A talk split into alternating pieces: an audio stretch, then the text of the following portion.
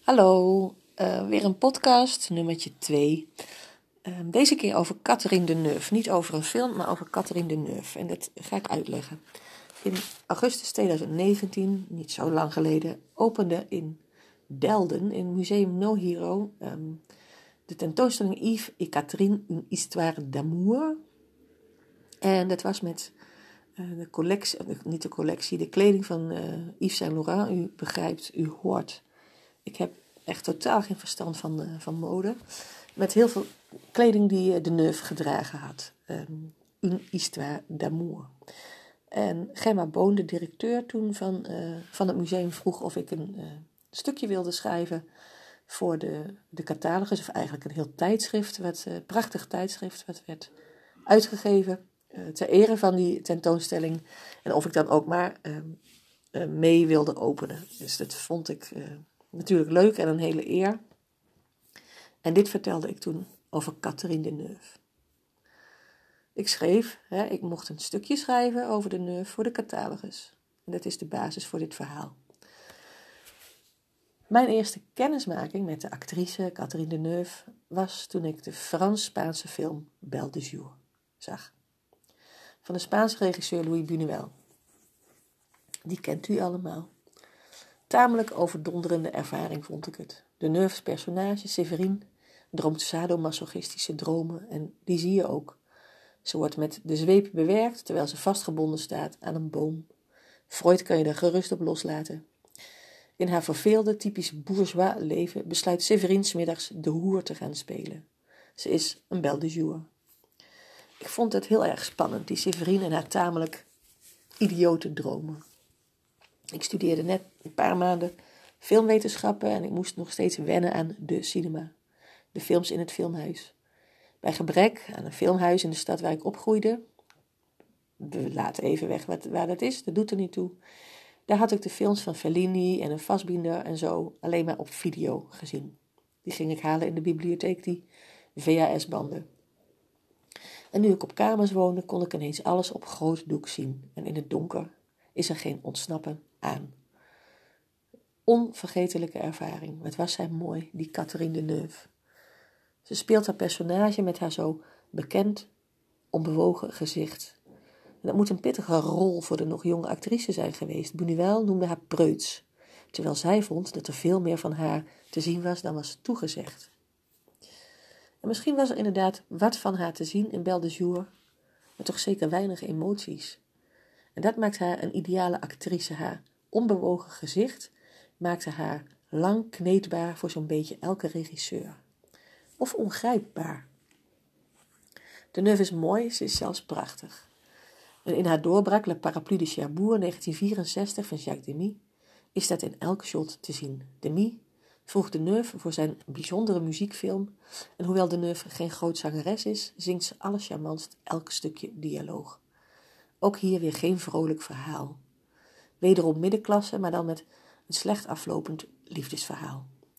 Demi, een unieke regisseur, en de parapluie de Cherbourg laat het misschien wel het beste zien. Heerlijk overgestileerd is de film. Van de liedjes tot het behang, tot de kleuren in de garage van de Neufs grote liefde. En natuurlijk draagt de Neuf de kleding van Yves Saint Laurent. Van mode, dat zei ik al, heb ik weinig kaas gegeten. Toen ik dit opende op de tentoonstelling, zei ik erbij: Dat kunt u wel zien. Ik droeg een Zalandootje. Maar de nerve volgde ik, hoewel ik niet pretendeer een kenner te zijn. Het zit er me meer in dat als ik een film met haar zie, ik mezelf altijd op betrap, zoals ook die eerste keer bij Belle de Jour, dat ik haar zo grondig bestudeer. Hoe ze loopt, hoe de spieren in haar gezicht bewegen of juist niet. Wat die ogen, die grote ogen met die soms onpeilbare diepte me vertellen. En waar ik natuurlijk nooit achter kom. Dat moet ook niet dat volgen. Zoals je aan een grootsprekers lippen hangt, zo hang ik altijd aan haar gezicht. De Neuf, geboren in 43, heeft iets tussen de 130 en 160 films gemaakt, tot nu toe. Ik telde er op de IMDb, de Movie Database, 134, inclusief tv. En het maakt natuurlijk helemaal niet uit, want zo'n groot aantal, hè, bij zo'n groot aantal komt het niet op 30 meer of minder. Nog steeds werkt ze gestaag door, hoewel ze helaas uh, een tijdje terug ziek is geworden. Maar op dat moment werkte ze nog gestaag door. Vorig jaar in de zomer 2019. Ze werkte door met evenveel drive. Althans, zo ziet het eruit. De neuf is natuurlijk de neuf. Het is lastig om alleen het personage te zien. Na zoveel jaar is ze iconisch als verschijning en kan ik niet om de actrice heen. Ik herken de trekjes onmiddellijk. Dat licht ophalen van één mondhoek. Met arrogantie of medeleven of tegenwoordig ook iets liefs kan betekenen. Natuurlijk is niet elke film een meesterwerk, maar ik vind het hoe dan ook altijd prettig om naar haar te kijken. Zo zag ik op dat moment, onlangs, zei ik toen, eh, afgelopen zomer ook, haar nieuwste film Vette Familie. Die staat nu op Pikkel, die is in het najaar uitgegaan. Vette Familie van uh, Cedric Kaan, die in Nederland, hè, dus in oktober, is uitgegaan. Familie, een Franse, die erop loskibbelt en zij staat aan het hoofd. Ze wordt niet gespaard. Het is een niet spectaculair, briljante film. Zeker de moeite waard, geen pareltje. Maar natuurlijk keek ik als altijd extra aandachtig naar haar. En zag haar. Aan het einde van de film, geen spoiler dit, geen angst, aan het einde van de film, moe van alle ruzie, zittend in het ziekenhuis, bezorgd om haar doorgedraaide dochter. Een lange hysterische scène was voorafgegaan en daar zit zij, aan profiel, een beetje ver weg in het shot, verstopt was ze. Haar elegante benen, elegant gebogen, precies goed, dat profiel, dat beroemde, amper veranderde, veranderde kapsel. En eens leek ze precies op de Catherine uit Belle de Jour. Een standbeeld, onveranderd, ongelooflijk mooi en bijna onsterfelijk. En laten we hopen dat het echt zo is. Verdrietig leek ze, maar het had ze altijd al over zich.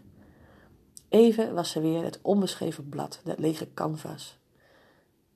Een beetje treurig, dat wel, grote ogen, iets sensueels, maar vooral ook je m'en fous. Natuurlijk kon ik die grote ogen niet echt zien. Ze zaten, zij zat immers verstopt achter in dat beeld, in het kader. Maar ik zag ze toch, mijn hersenen verzonnen het er zo bij. Ik zag een Catherine, die ongeacht welke leeftijd altijd dezelfde is. En toch zoveel films steeds op andere manieren een richting opstuurt. De haren, haar richting. Altijd. Kijk lekker vette familie op pikkel en heb er veel plezier mee.